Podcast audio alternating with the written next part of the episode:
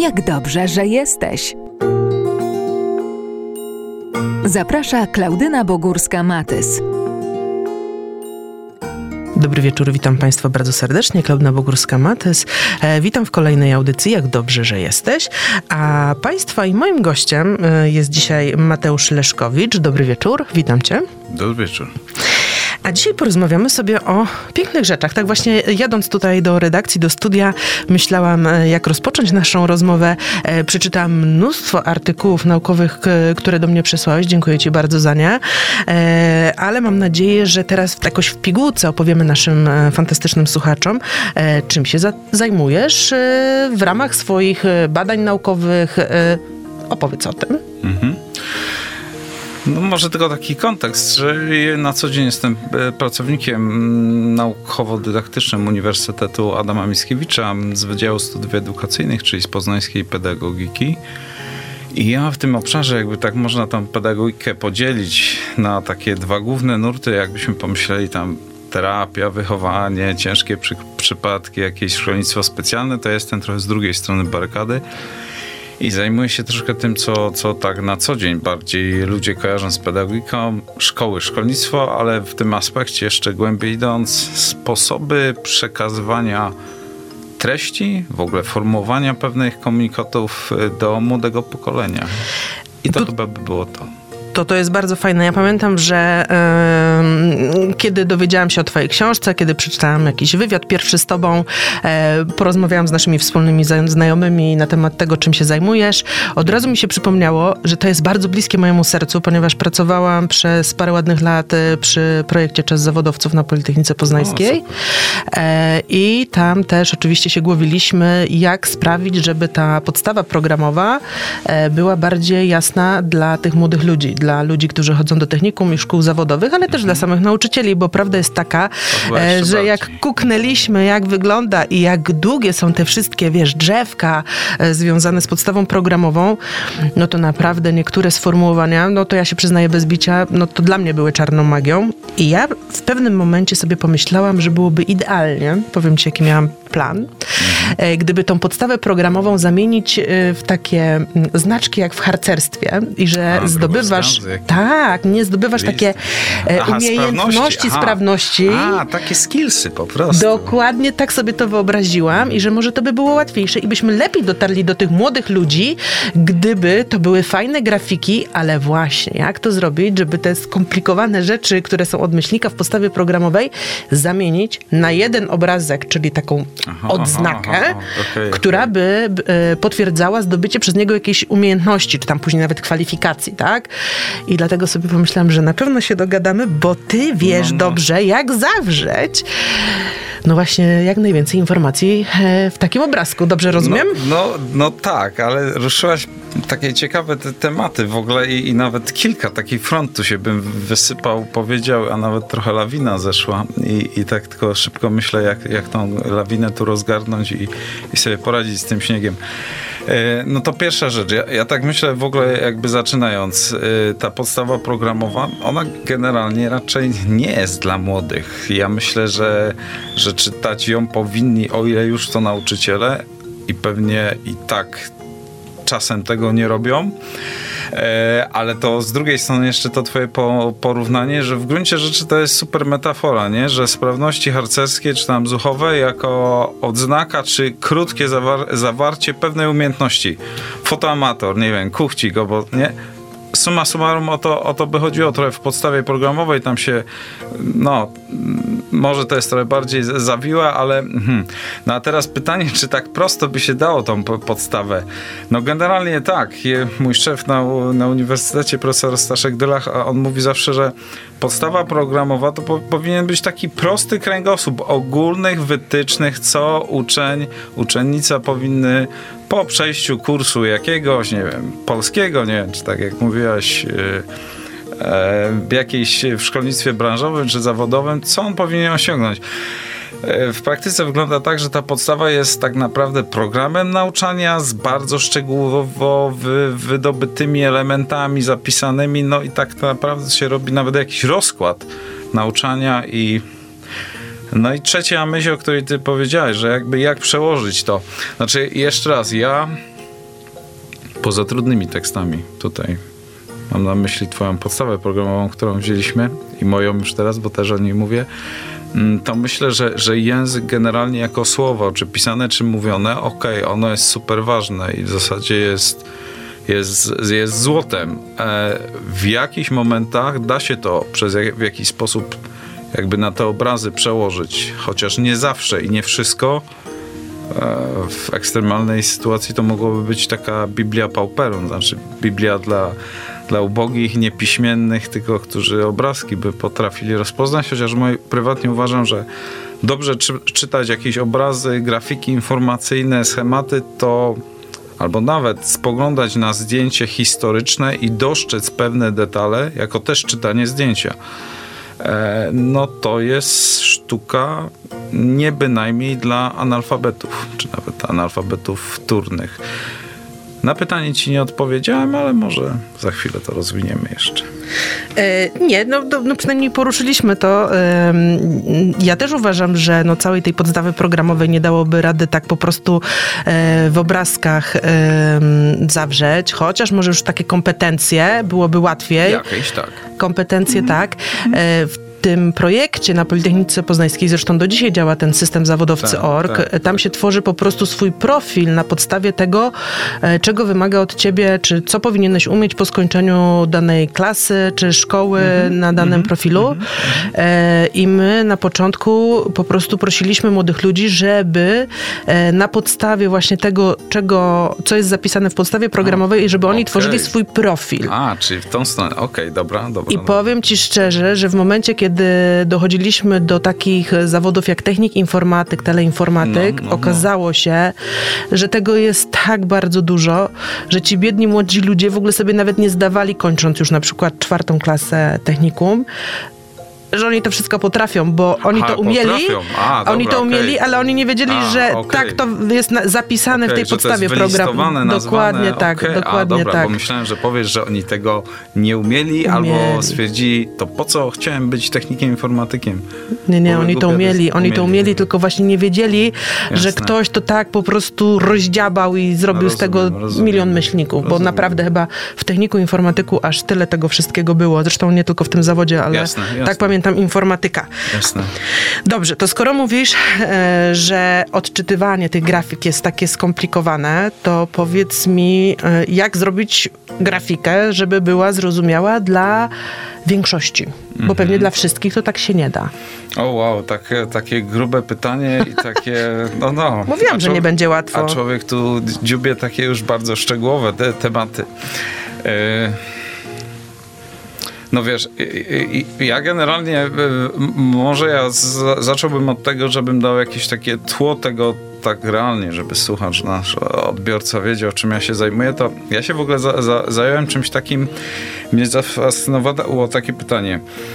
Troszkę to twoje, o czym zaczęłaś, jak przełożyć słowa na obrazy, ale ja sobie zdałem sprawę, że jakby medialnie mm, wokół nas i to, co na przykład mocno widać też w niektórych podręcznikach, grafiki, infografiki, taka wizualizacja treści jest mocnym elementem obok tekstu. E, moje takie przemyślenia albo obserwacje z wielu, wielu lat wcześniej to było to, że ja na przykład czytałem tam w liceum jakiś rozdział z biologii, tam, no, tam jakiś mitozy, mejozy i tam jakaś ilustracja była na następnej stronie albo za dwie strony. Ja pamiętam, zawsze miałem takie coś mi się urywało i mówię, o, dobra. I rysunek, znowu wracam do tekstu. No później się dowiedziałem po latach, że to są takie psychologiczne pęknięcia uwagi, że po prostu jeżeli ktoś ma, może nie super, umiejętności intelektualne, to te pęknięcia, przeskakiwanie z tekstu, mhm. to nazywamy tak psychopedagogicznie takimi modalnościami, to może być taka ba bariera, że on stwierdzi, że nie chce się tego uczyć, albo nie rozumiem, albo weźcie mi to, albo nigdy nie, nie chcę mieć do czynienia z biologią. No ja się zastanawiałem, e, zacząłem zastanawiać, jak te treści podawać, komponować, jakby ten przekładaniec taki tekstowo-obrazowy zrobić, żeby Janek, który Gosia albo Angela, którzy może nie są super byszczakami, ale w gruncie rzeczy o nich zawsze walczymy w szkołach, w szkolnictwie i społeczeństwie, żeby im to w jakiś taki sposób podać, żeby oni nie musieli po prostu przechodzić jakichś katuszy e, i dodałbym jeszcze jedno, że to nie jest to, że oni może są mało byszczy, ale pewne treści wokół nas są źle podane, źle skonstruowane. Nie wiem, w podręczniku na przykład, nie moim sprzed wielu lat, nie było takiej zgrze- zgrzebnej struktury, że ja zrobiłem taki rzut okiem i wiedziałem, aha, to jest o tym, o tym i o tym i będzie, aha, no dobra, super, no to fajnie. Albo, że była jakaś ilustracja taka, że ja mówię, o kurczę, te jądro, ale to, nie, no to ja chcę o tym wiedzieć. Co to jest to jądro komórkowe, nie? Czy tam jakiś proces, jakiś tam cykl Krebsa. E, No i, i tak sobie zacząłem o tym myśleć, a druga rzecz to jakby oprócz takiej bardzo dydaktycznej formy, to pomyślałem, że w gruncie rzeczy, nie wiem, czasopisma, internet, o, muzea popularno-naukowe, no to wszystko jest, bazą jest jakiś taki przekaz trochę dydaktyczny, trochę może marketingowy, ale jednak, żeby spowodować, że ktoś sobie jakieś pytanie zada, czym się zainteresuje, myślę, że wiele razy tracimy ludzi młodych, bo oni na wejściu wiedzą. Nie interesuje mnie tam jakiś ruch, yy, nie wiem, tam równoległy czegoś, albo w ogóle tam fizyka, a to tam głupoty, nie? Okej. No to, to tylko bym od tego zaczął, nie? Że jak, jak komponować te treści, jak poddawać i ty zacząłeś od tego, jak zrobić tą grafikę. No, no, no, no z jednej strony no jest trochę różnych takich reguł i, i projektowych, percepcyjnych, trochę takich psychologicznych, y, jak coś pokazać lepiej. Z drugiej strony jest to na tyle ogólne, że w zasadzie no, musielibyśmy może bardziej sprecyzować y, Moje pytanie? mo, twoje pytanie.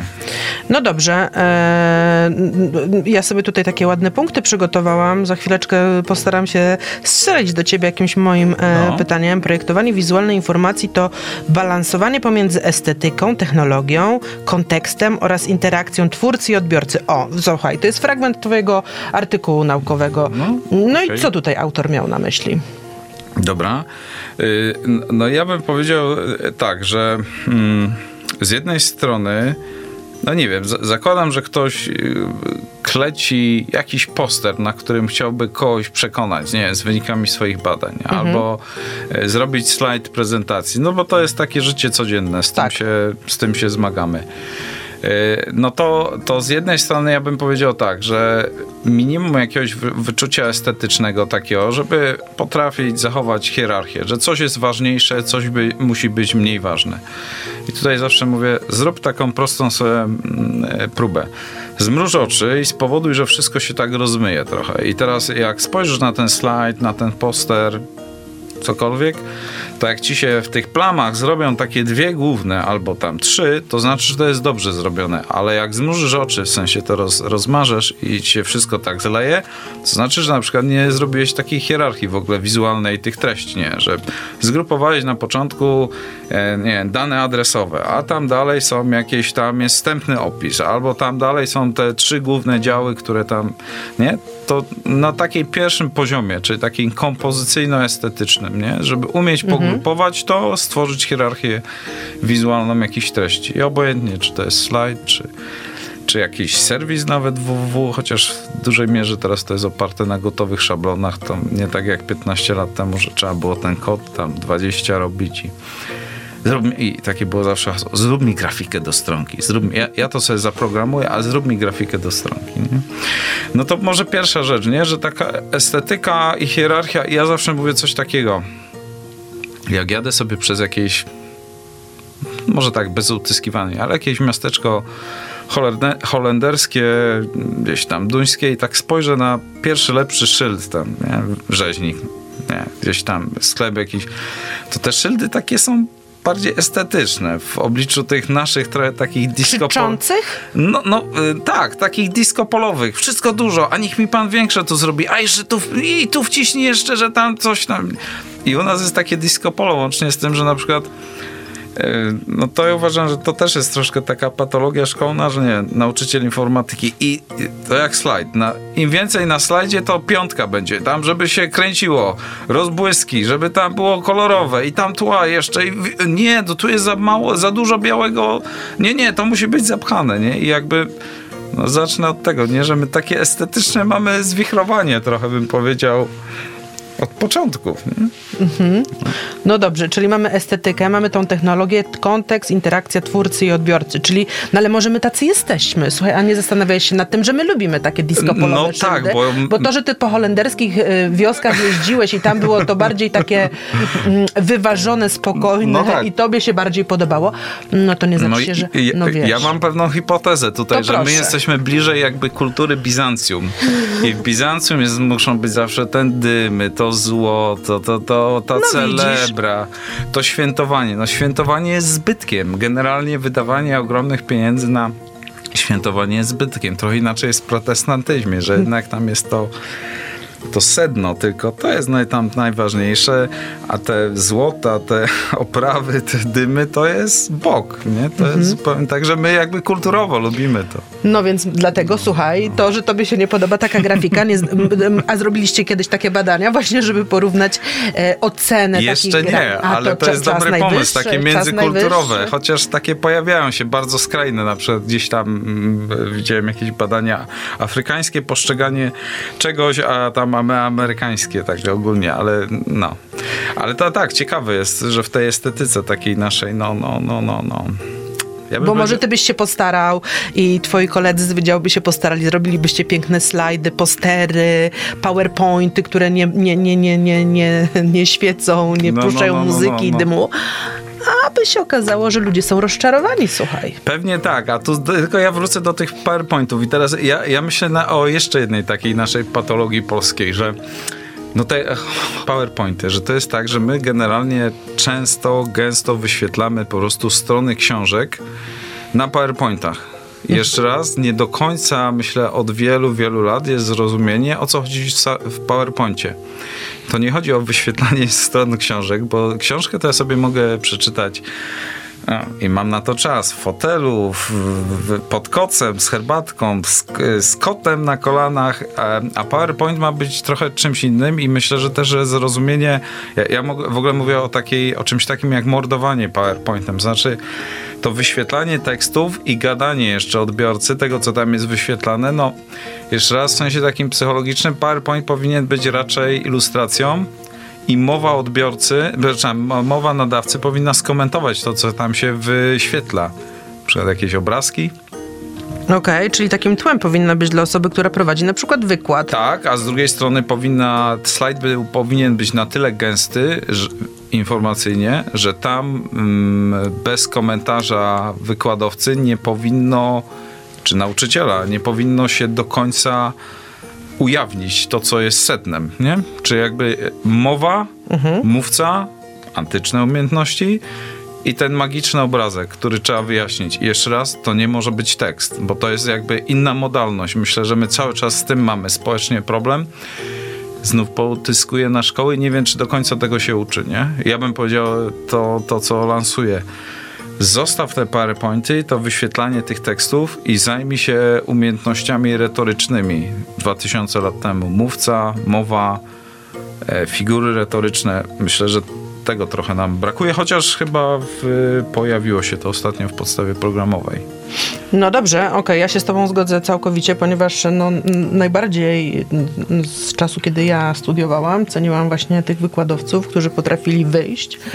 I dosłownie bez niczego, bez żadnych e, ściąg, notatników, tej prezentacji potrafili przez trzy godziny opowiadać tak interesująco, że na sali było cicho i mm, pamiętam najwięcej z tych wykładów. I a nie do końca ci, którzy wyskoczyli z super e, czaderską prezentacją, zapadli mi gdzieś 126 tam... slajdów na przykład. Dokładnie tak, 126 slajdów, to nie, ja no tak wolałam słuchać. Aczkolwiek ja bym dodał tutaj, że ja lubiłem tych, których mogłem posłuchać i tych, którzy zrobili wysiłek, bo tak sobie myślę właśnie z perspektywy nawet dwudziestu paru lat, że dzisiaj pobranie jakichś obrazków, fragmentów filmowych ilustrujących jakieś zjawiska jest w gruncie rzeczy łatwe, no czasem może jednak nie, ale z perspektywy na przykład 30 lat, wyobraźcie sobie Państwo, że y, załatwienie kasety wideo z jakimś fragmentem, znalezienie tego fragmentu, ustawienie sobie tej kasety w dobrym miejscu i włożenie jeszcze y, do, do tego odtwarzacza, w ogóle, no, no to było po prostu. A teraz, jakbyś chciała takich wstawek zrobić 6, 8, to naprawdę to jest wysiłek. Plus na przykład e, pokazanie jakichś zdjęć, jakichś, nie wiem, znanych ludzi, no to też był, był, był jakiś tam nie, trzeba było to na folii skopiować, nie, rzucić na projektoskopię. To, przecież to przygotowanie wykładu to było... Huh. No tak. No, no. No, dzisiaj- Także dzisiaj jakby te, to otoczenie medialno-obrazowo-wizualne to jest trochę takie easy. Do jakiegoś, do jakiegoś stopnia. Do jakiegoś stopnia tak. A czy ty jesteś na przykład zwolennikiem tworzenia e, mapy myśli? Bo mm, przyznam ci się, że to jest taka moja ulubiona No tak. metoda jeszcze ze szkoły i teraz e, moje dziecko e, zaraziłam tym, że jak powtarza jakiś materiał, to proszę ją, żeby sama zrobiła fajną mapę myśli. No i myślę, że to jest właśnie to, o czym tutaj rozmawiamy, tak? Żeby ona sobie i rysunkiem, i tymi swoimi hasłami, czyli była tym wykładowcą, o którym powiedziałeś, tak? Tak, czyli tak. tylko ona będzie znała, co je, się kryje za Tak, tymi tak, tak, hasłami, tak, tak, tak, tak. ale to jest coś, co później jak będzie chciała Tak, tak. powtórzyć przed sprawdzianem, e, to będzie pomocne. Tak, tak, oczywiście, oczywiście, że, że tak. E, Jestem za tym. Mm, Chociaż powiem szczerze, że tak do końca tym się mocno nie zajmuję jakoś tam naukowo.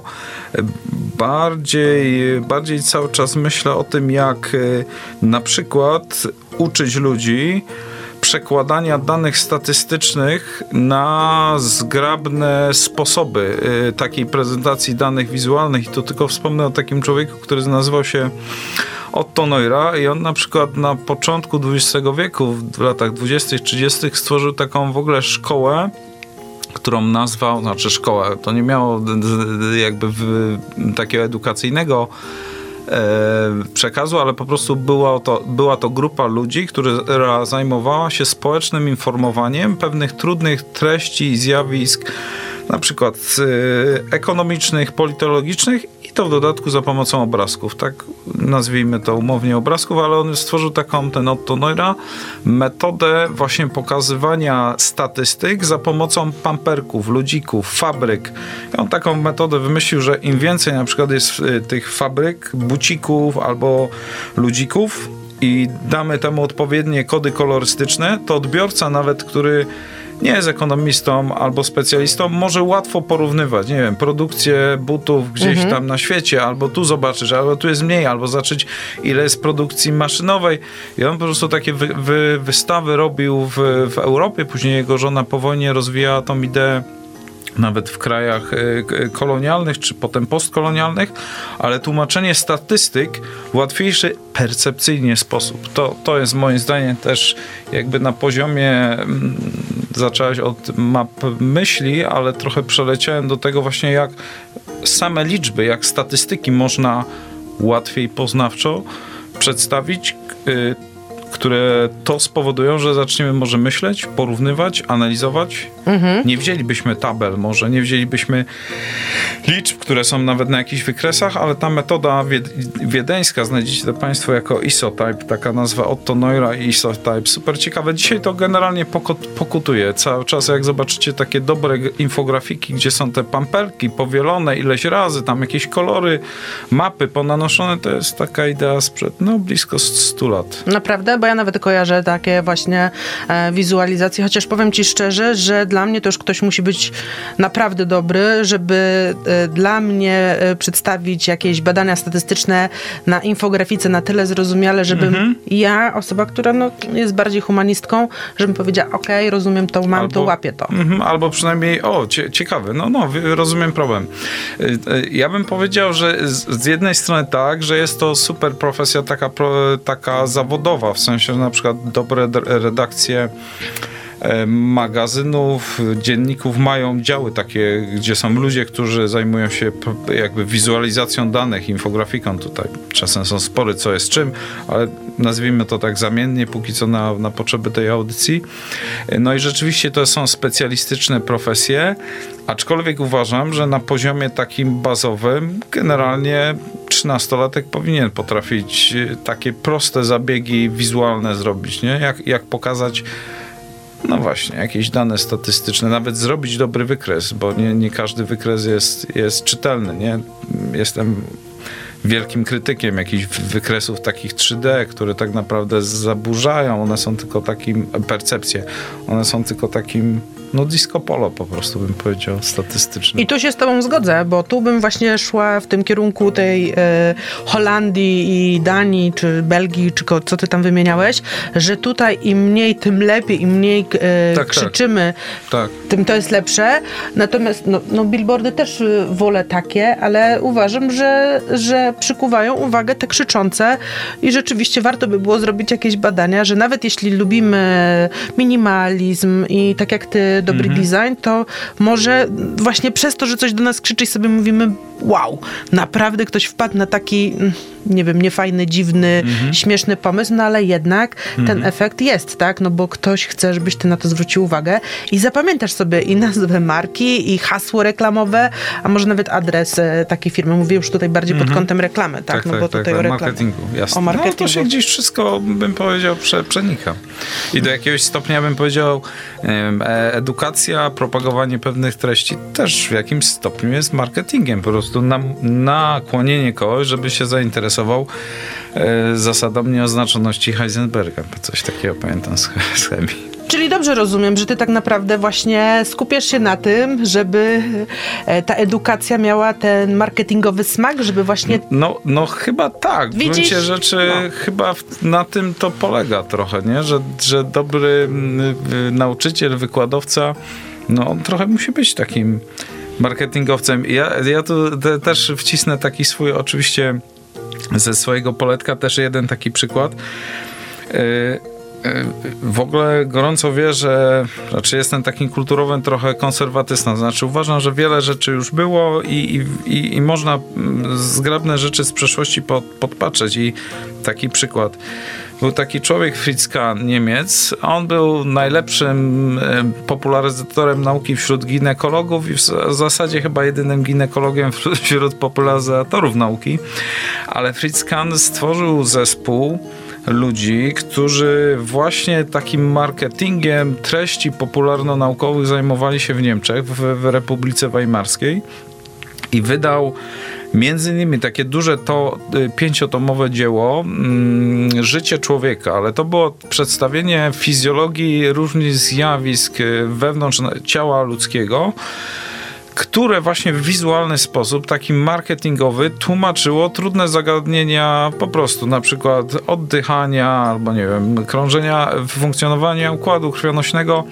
E, I on był mistrzem po prostu takich metafor wizualnych. Miał zespół pod sobą, z tego co pamiętam, dwudziestu paru grafików, którzy tylko wyłącznie siedzieli i robili takie wizualne metafory. I on w ogóle jego takim flagowym okrętem wizualnym to jest metafora człowiek-maszyna.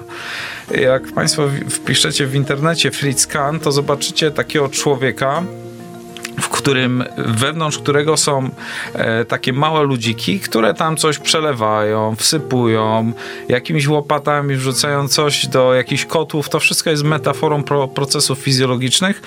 Tak na marginesie prawdopodobnie pokłosiem tej idei Fritza Kahna człowiek-maszyna w latach 80. był było sobie życie? Dokładnie tak, Widzisz? dokładnie tak. I teraz, y, I teraz taka idea właśnie wizualnych metafor, porównań, czasem uproszczeń. Wielu może by się przyczepiło, a to tak nie można, że tam do kotła wrzucasz i to jest prze, przedsionek serca, a tam jacyś panowie w kitlach coś mieszają. Nie, nie, to dziecku złe zrobisz wyobrażenie, ale myślę, że on, e, znaczy w ogóle e, on zrobił ogromną karierę i sukces, bo te książki się sprzedawały w ogromnych na, na, na nakładach. Notabene jak Państwo poszukacie, to dzisiaj w obiegu antykwarycznym e, to, to mm, ta pozycja się nazywa Das Leben des Menschen.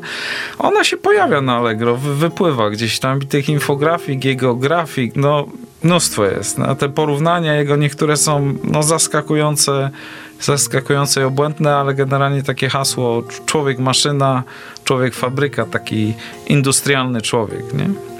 E, Zadam to pytanie, chociaż pewnie znam odpowiedź. Pewnie widziałeś mnóstwo nietrafionych, złych, nieczytelnych infografik właśnie w podręcznikach, w książkach e, dla studentów, prawda? Y, no, pewnie tak. Bardziej bym powiedział, że można by je zrobić może lepiej, albo one są na początku jakiegoś tam myślenia o tej wizualnej sferze przekazu. Y, no, ale generalnie wiele wydawnictw chyba stwierdza, że jak chce się mierzyć z takim dobrze zaprojektowanym ja tylko szybko zrobię połączenie z tym Fritzenkanem. On nazwał to w ogóle um, koncepcyjną ilustracją naukową. Mi się to osobiście bardzo podoba, że te obrazki w gruncie rzeczy mają mieć taką koncepcję. Metafory, porównania, tu się łączą te infografiki. No ale wielu stwierdza, jak to zrobić? To nie jest proste, albo siedzi przez tydzień trzech ludzi i jeszcze nic nie wymyśliło, albo jest to takie hmm, hmm, E, no powiem szczerze, miałem jakieś takie tam elementy współpracy z wydawnictwami i oni powiedzieli mi tak, że panie Leszkowicz, kurczę, niech pan nam podsunie jakieś w ogóle badania, refleksję naukową, bo niewiele tego jest. Nikt się specjalnie jeszcze parę lat wstecz tym nie zajmował jak po prostu te treści przygotowywać. Nie?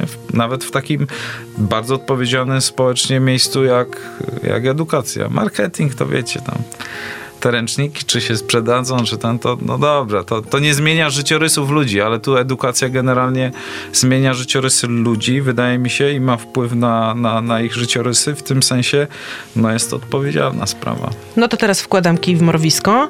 E, to nie jest trochę tak, bo przecież wymieniłeś już tutaj przynajmniej e, dwóch e, naukowców, którzy mm -hmm, się tym mm -hmm. zajmowali, e, że po pierwsze, chcemy być lepsi niż oni i dlatego po prostu przekombinowujemy później te nasze grafiki, e, albo boimy się popełnić plagiatu, żeby ich e, kopiować. I to nie jest trochę tak, że jesteśmy między młotem a kowadłem. Skoro ten facet wymyślił ludziki pamperki i to działa i wszyscy no, no, no, to no. dobrze odczytują, no ale ja teraz chcę pokazać u siebie na uczelni, czy w ogóle pokazać w moim wydawnictwie, że ja zrobię coś lepszego niż te pamperki. Mm -hmm. I mhm. oczywiście mm -hmm. idę w mhm. stronę disco polo, czy w stronę czegoś, co jest kompletnie niezrozumiałe, mm -hmm. no bo się boję, że skoro dalej będę robił te pamperki, to ktoś mi powie, no ale momencik, no ale to już to ktoś już inny było, wymyślił, to już było. No to ja, ja, powiem tak, że wydaje mi się, że z takich obserwacji moich, rozmów z ludźmi i czasem nawet y, przytaczanych przykładów wizualnych, na przykład tego Otto Neurata, no to nawet jak spoglądam na środowisko mm, akademickie, to ja powiem szczerze, że to nie są tematy, których, y, które są bardzo popularne, albo na przykład w humanistyce, w naukach społecznych są czymś, o których się, te, które są jakimś takim dyskursem, który jest cały czas na topie. I wydaje mi się, że my po prostu o pewnych rzeczach zapomnieliśmy albo albo nie wiemy, co zrobiły przeszłe pokolenia i nawet nie mamy takiej bazy, do czego się odnieść. Więc ja bym powiedział, że to by było niezłe, gdybyś znał na przykład twórczość Fritza Kana i obejrzał ileś jego ilustracji, zobaczył te metafory. E, notabene e, one były w tamtym czasie, e, wrócę tylko do marketingu, teraz mi coś przyszło takiego, że jego ideą w ogóle było to, żeby to było jakby świeże, takie designerskie i na tamte czasy, nawet dzisiaj jak spoglądając na te ilustracje, ilustracje, to to jest super świeżutkie, czyste i on nawet miał takie zabiegi na tamte czasy jakby pokazujące e, naukę jako coś marketingowego, że na przykład tam są piękne kobiety w tych reklamach, takie bym powiedział modelki wręcz. Ja bym sobie pomyślał tak, niech u nas w jakiejś podręczniku w książce, nie nie? Znajdzie się modelka, wewnątrz której się pojawiają jakieś procesy. Albo nie wiem, no, no rzucam, w Lewandowski jest rozebrany i w nim są, tam jakaś mitoza się odbywa, nie? I jakby on to widział, że to chwytało ludzi, to, to chwytało publikę i to było ważne, żeby po prostu to było smaczne wizualnie. No to tak tylko wyskoczyłem w tą stronę i trochę uciekłem z wątku twojego mhm. pytania. Czyli Przy... mówiłam o tym, że boimy się popełnić plagiatu tak, i tak. właśnie dlatego chcemy na siłę tak, zrobić coś, tak. przekombinować. No, to ja mówię tylko, że chyba raczej może nie do końca mamy wiedzę, nie do końca jest wystarczająco moim zdaniem takich fachowców, którzy się tym zajmują, albo nie ma nawet takich przedmiotów nie w środowisku akademickim nie pojawia się to myślę często w szkolnictwie, więc my tak szukamy na oślep chyba trochę często, gęsto i a nawet się poddajemy właśnie takiemu disco polo. No to panie, daj mi tutaj jakieś obrazki, to infografika jest. Ja mówię, to nie jest żadna infografika, to jest jakiś tandetny obrazek. Infografika to jest Tak tylko jak, jakby odwołując się do jeszcze innego takiego Amerykanina, którego określa się w ogóle takim papieżem wizualizacji informacji takiego Edwarda Taftiego, to on mówi, infografika to musi być coś takiego, co jest jakby konglomeratem liczb, porównań, jakichś wykresów, y, map nałożonych, które głośno gadają, znaczy głośno gadają o zjawisku, które było cichutkie, dopóki było tylko liczbami, opisami, a włożenie tego na jedną stronę, na jeden slajd, porównanie, połączenie, to zaczyna po prostu krzyczeć i no i to jest sztuka. Taka analityczna, notabene. I teraz tylko wracam do tego że zrobienie tego jednego obrazka to jest naprawdę intelektualne, estetyczne, po prostu wy wyzwanie. To nie jest takie, a jeszcze jak ktoś mówi, e, panie Leszkowicz, a takie oprogramowanie, że ja bym sobie tak to wrzucił i to mi tak wypluje.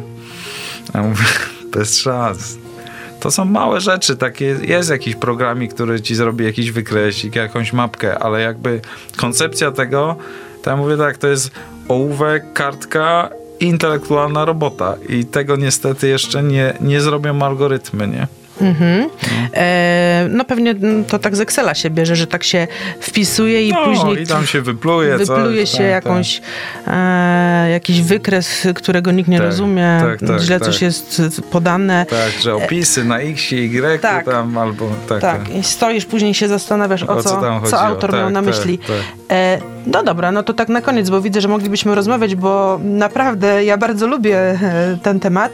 E, jakie jest twoje zawodowe marzenie i czy nie myślałeś też o tym, żeby właśnie przygotować może taki przedmiot albo taki kurs y, dla osób, które rzeczywiście ponoszą odpowiedzialność za edukację tych młodych i trochę starszych ludzi, e, żeby ich nauczyć i pokazać im, jakie popełniają błędy, kto robił to dobrze, jak można to robić to dobrze. Mhm. Takie dwa pytania. Twoje zawodowe marzenie mhm. i właśnie o tym, czy nie mhm. warto by było się pochylić nad tymi ludźmi, którzy ponoszą odpowiedzialność za edukację ludzi, młodych. Jasne. To zacznę od drugiego pytania, że no po części coś tam robię, znaczy jakieś takie kursy, kursy prowadzę w ramach swoich obowiązków uniwersyteckich ten kurs się nazywa, nazwałem ten przedmiot y, tak jako podstawy techniki y, wizualizacji graficznej i, i, czasem on się pojawia w takim dostępie do, jako, z, jako zajęcia w ramach Uniwersytetu Otwartego, czasem w ramach zajęć z szeroko rozumianym środowiskiem takim pedagogiczno-nauczycielskim.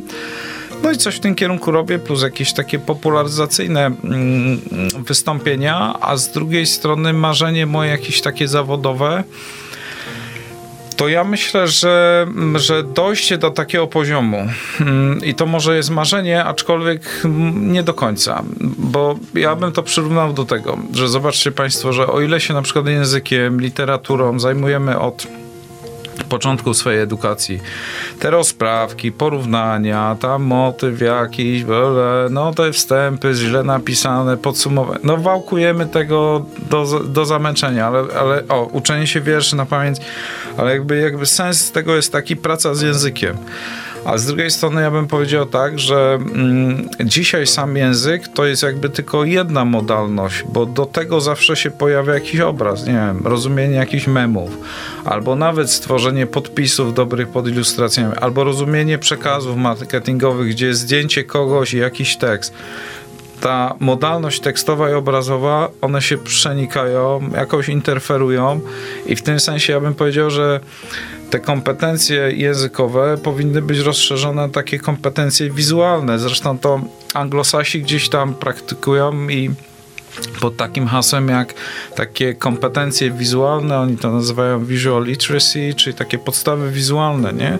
Jako kompetencje społeczne, posługiwanie się obrazami. I ja bym powiedział, że nawet nie w tym sensie takim technologiczno, jak na informatyce, zróbcie wykresy, obrób zdjęcia, ale bym powiedział w sensie takiej semantyki, czyli zbuduj jakieś znaczenie z obrazu, dodaj do tego tekst, nie? Że, że to jest jakby taka rozszerzona kompetencja e, językowa, językowa dzisiaj w XXI wieku.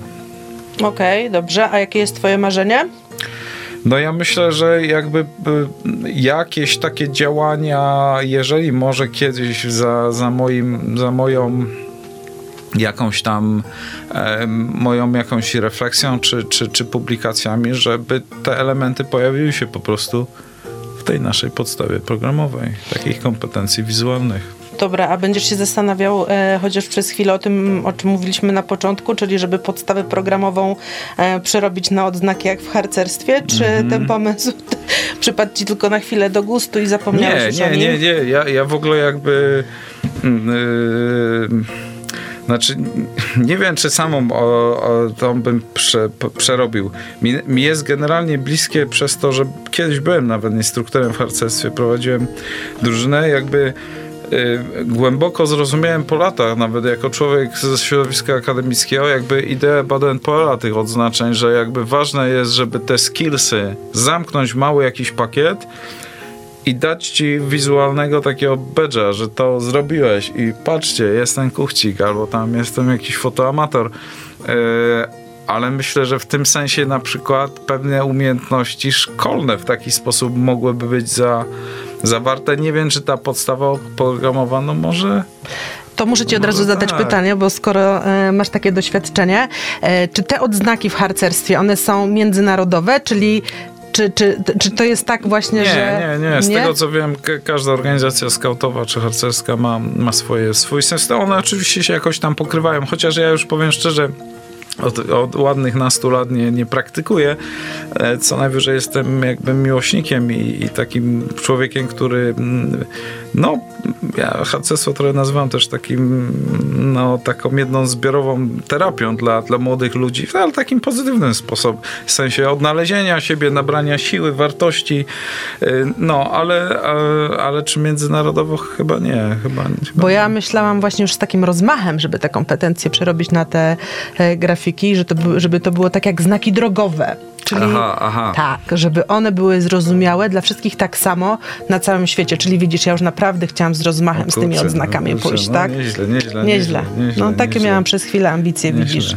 Ale no, no już, już nie myślę o w tym. W kręgu naszym europejskim myślę, że to z grubsza się by, by pokrywało, nie? Że zresztą nie, coś tam obserwowałem, że te, te sprawności w jakimś czasie ostatnim się zmieniły i one się nawet trochę zaktualizowały w sensie takim ku, kulturowym, że coś co 20, 30, już nie mówię 50 lat temu było e, jako ambicją młodego człowieka, żeby zdobyć jakąś sprawność, to chociaż no a wiesz, dlaczego ja tak kombinowałam? Bo pomyślałam sobie, że wiesz, mnóstwo jest jakichś e, firm zagranicznych w Polsce, no i w ogóle, tak, tak, tak jesteśmy tak, w Unii tak, Europejskiej, tak, więc chciałam, żeby to było takie zrozumiałe, na, chociażby na terenie całej Unii Europejskiej i żeby później powstawały ogłoszenia o pracę oparte o te znaczki. Czyli Aha, jeśli okay. firma XY Aha, poszukuje okay, okay. E, osoby i nie zamykać tego tylko po prostu w zawodzie, ale żeby wskazywać kompetencje, A, okay, kwalifikacje, okay, które okay, powinna mieć. I rozumiesz, e, ogłoszenie o pracę na podstawie obrazków.